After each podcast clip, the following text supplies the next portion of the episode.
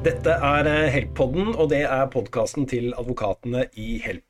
Help er store innenfor de viktigste rettsområdene i privatlivet, som arv, familie, eh, kjøp, og vi har landets største advokatmiljø for boligkjøpere. Og det er boligkjøp vi skal snakke om nå, nærmere bestemt en liten, men viktig del av det, nemlig det som skjer i og rundt kontraktsmøtet.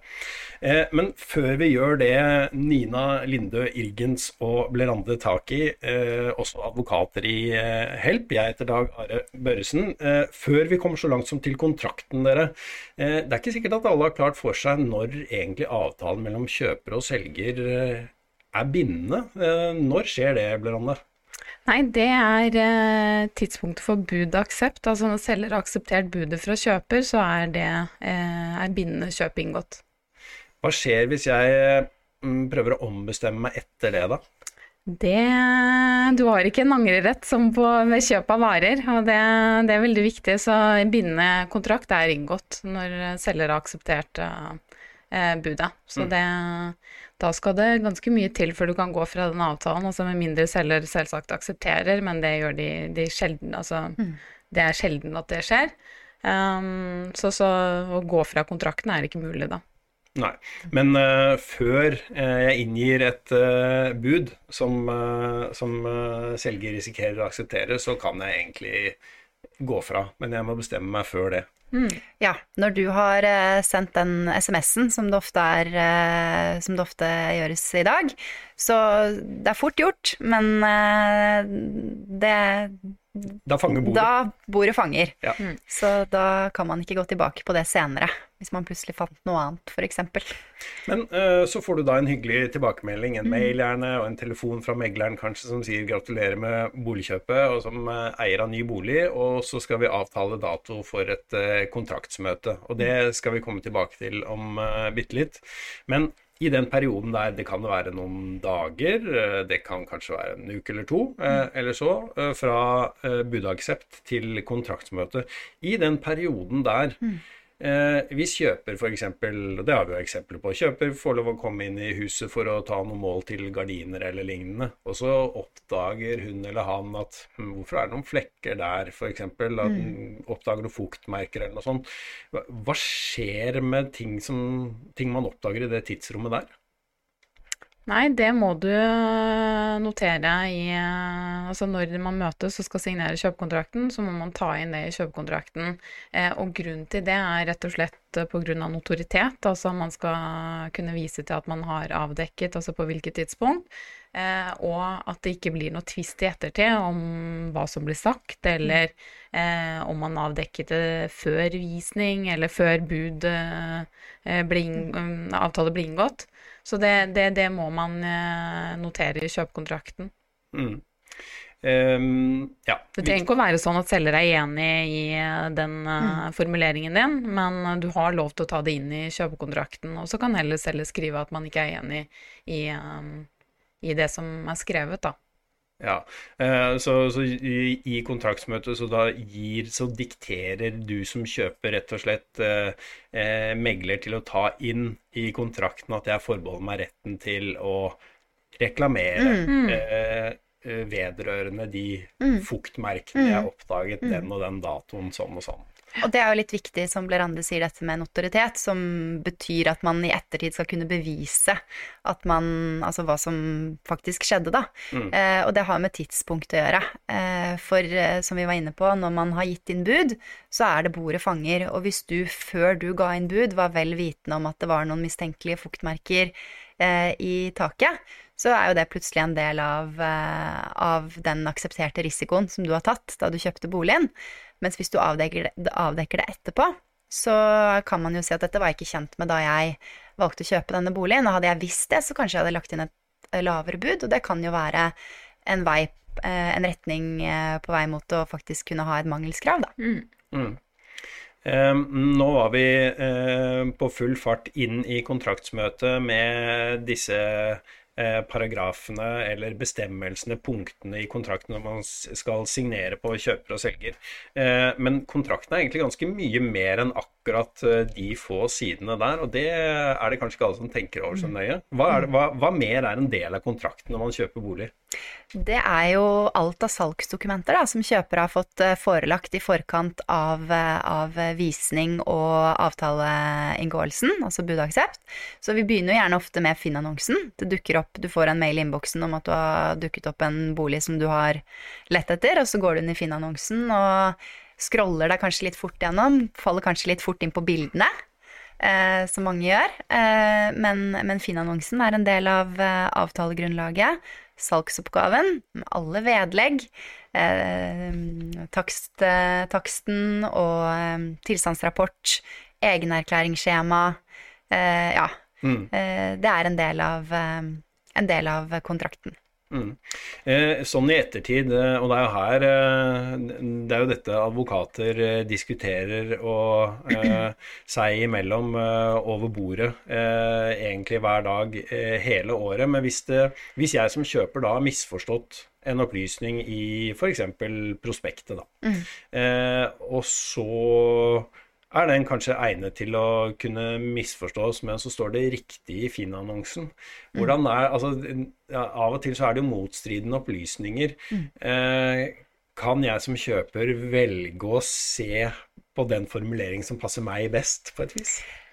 Ja, nei, det, det går jo ikke, da. Eh, I utgangspunktet, i hvert fall. Eh, det er jo sånn at uh, megler har jo en plikt til å løfte fram på en synlig måte, som vi har snakket litt om i en annen eh, podkastepisode, den informasjonen som er sentral. Mm. Så man kan f.eks. ikke helt nederst med en liten tekst uh, skrive at uh, boligen er forresten ulovlig, den, i Finn-annonsen, og så ikke vise til det i saksoppgaven. Um, Men, eh, men, spørsmålet ditt, da, så hvis opplysninger er motstridende, så, så, må man jo da spørre megler hva menes egentlig her. Er leiligheten 50 kvadratmeter, eller er den 55? For i Finn-annonsen står det 50, og i prospektet står det 55. Hva er det som er riktig? Mm. Eh. Så still, eh, les nøye. Det er jo mantraet vårt. Les alle opplysninger, se gjennom alle mm. dokumenter, og still spørsmål om det du syns er uklart, eller ting du ikke forstår. Det gjelder egentlig alle ledd i eh, boligkjøpet. Hvis du skal se det litt fra sånn juridisk perspektiv, da, så eh, for at en opplysning skal anses uriktig, så må den være konkret, spesifisert, og du må ha grunn til å stole på opplysningen. Så det er de tre kravene. Er det gitt motstridende opplysninger, så har du jo ikke grunn til å stole på opplysningene. Og det er derfor du skal spørre, som eh, Nina sier. Eh, still spørsmålet, altså hvilke av disse opplysningene er korrekte. Sørg for at du får svaret skriftlig, sånn at du kan bevise i ettertid at du har gjort uh, fulgt inn undersøkelsesplikt. Mm. har du ikke hatt mulighet til å gjøre det, du oppdager det først etterpå, så, så blir det jo et spørsmål altså hvem er det som har gitt de motstridende opplysningene. Eh, gjelder det f.eks. Eh, hvordan en konstruksjon er bygd opp, så er jo takstmannen som har skrevet tilstandsrapporten, mer eh, eh, hva skal man si, Han har mer kompetanse til å kunne gi en opplysning om konstruksjonen enn en megler. Så det er kanskje litt mer grunn til å stole på opplysningen fra takstmann enn megler. Men det er klart, eh, har du fått de motstridende opplysningene, så er det automatisk vanskeligere å nå frem med et krav i ettertid. Mm. Eh, for man kan ikke velge bort den ene opplysningen som taler mot en sak. Mm. mm. Så sitter vi der da i kontraktsmøtet, um, og det det kan man jo oppleve som litt overveldende, kanskje. Det er eh, ganske mange ord konsentrert på noen få sider. Er det noe jeg som kjøper må være særlig bevisst på i kontraktsdokumentet? Jeg tenker bare som først og fremst, også, Det skal jo være en hyggelig greie. Du har kjøpt deg en ny bolig, og så skal du bare få formalitetene på plass. For det er det en kjøpekontrakt er egentlig. Eh, avtalen er allerede inngått på mm. bakgrunn av de saksdokumentene som Nina har nevnt. Eh, så nå skal du bare formalisere den avtalen skriftlig. Mm. Eh, så, så, det jo, skal være en hyggelig greie. Mm. Men ja, det kan være overveldende for en som ikke eh, kjøper bolig så ofte, eller det er første, kanskje første gang. Eh, men det som vi ser er veldig fint i dag, det er at meglerne eh, mm. Eh, nå Altså partene møtes, og megleren går gjennom kontrakten steg for steg. Eh, og gjerne forklarer. Og hvis man ikke hvis det er noe man ikke forstår, så må man jo bare stille spørsmålet. Mm. Og det, det, er helt i orden. Mm. Ja. Eh, men så er det én ting eh, som vi skal komme mer tilbake til i en annen episode, eh, som har med overtagelsen å gjøre. Eh, og da kan det jo være at man kanskje har snakket litt sammen på telefon og sånn om når det passer med overtagelse. Eh, kontraktsmøte, da er det på høy tid å bli enige om når man faktisk skal få nøklene til sin nye bolig. Mm. Gjerne så står det jo allerede, for det er jo en del av eh, budaksept, ikke sant, at eller, det skal i hvert fall skje i det samme momentet, at man avtaler at man skal overta denne boligen om kanskje to måneder, da. Litt sånn typisk par-tre måneder. Um, men så er det sånn som du sier, at man kanskje ønsker et annet tidspunkt. Uh, men det tidspunktet er veldig viktig, at overtakelsen faktisk skjer på det tidspunktet som er avtalt. Eh, for hvis ikke så kan det få veldig, veldig store konsekvenser. Eh, I form av at den som eh, Altså hvis kjøper f.eks. velger å ikke overta, eller kanskje tenker at det passer litt dårlig, flyttebilen var ikke ledig, så vi tar det dagen etterpå, så kan man jo risikere å få et krav mot seg da, fra, fra selger mm. på, på at kjøpesummen da har kommet for sent. Mm. Ja. Og motsatt fall, hvis motsatt. selger nekter å eh, gi fra seg boligen, eller av en eller annen grunn ikke klarer å gjøre det, mm. eh, så plikter selger å erstatte kjøper de merkostnadene kjøper har som følge av at den ikke har mm. overtatt boligen. Mm. Kanskje man, har man ikke solgt sin forrige bolig, mm. eh, og så eh, begynner man kanskje å betale på lånet på denne eh, nye boligen man skal overta, og det, de merkostnadene du har, det har du krav på å få erstattet av selger. Og det var faktisk flere eksempler på at uh, vi har blitt kontaktet av kunder som er litt fortvilet, som står med flyttelasset på, på fortauet, og så sier de at uh, beklager, men den leiligheten den var leid ut til noen mm. studenter f.eks. som ikke hadde klart å, å flytte ut enda, så det, vi må gjøre det til uken. Og det kan jo bli ganske store kostnader, ikke bare sånn rent renter på lån og sånn som Leranda er innom, men også Ok, hvor skal, hvor skal, kjøper bo i mellomtiden? Eh, flyttelass, kanskje man må leie lager? Altså mm. kanskje tapt arbeidsinntekt. Det blir mye Det kan fort bli mye poster. Mm. Mm. Og, og, det kan bli ganske mye advokatarbeid ja. eh, på den ene eller, eller på begge sider, mm. eh, egentlig, hvis, uh, hvis, dette ikke går i orden etter planen som mm. avtalt. Så hvis vi skal uh, prøve oss på en oppsummering, så må det være å avtale nøyaktige tidspunkt uh, for overtagelse, og så holde seg til det. Mm. Holde seg til avtalen, rett og slett. Mm. Det er jo det grunnleggende prinsippet. Mm.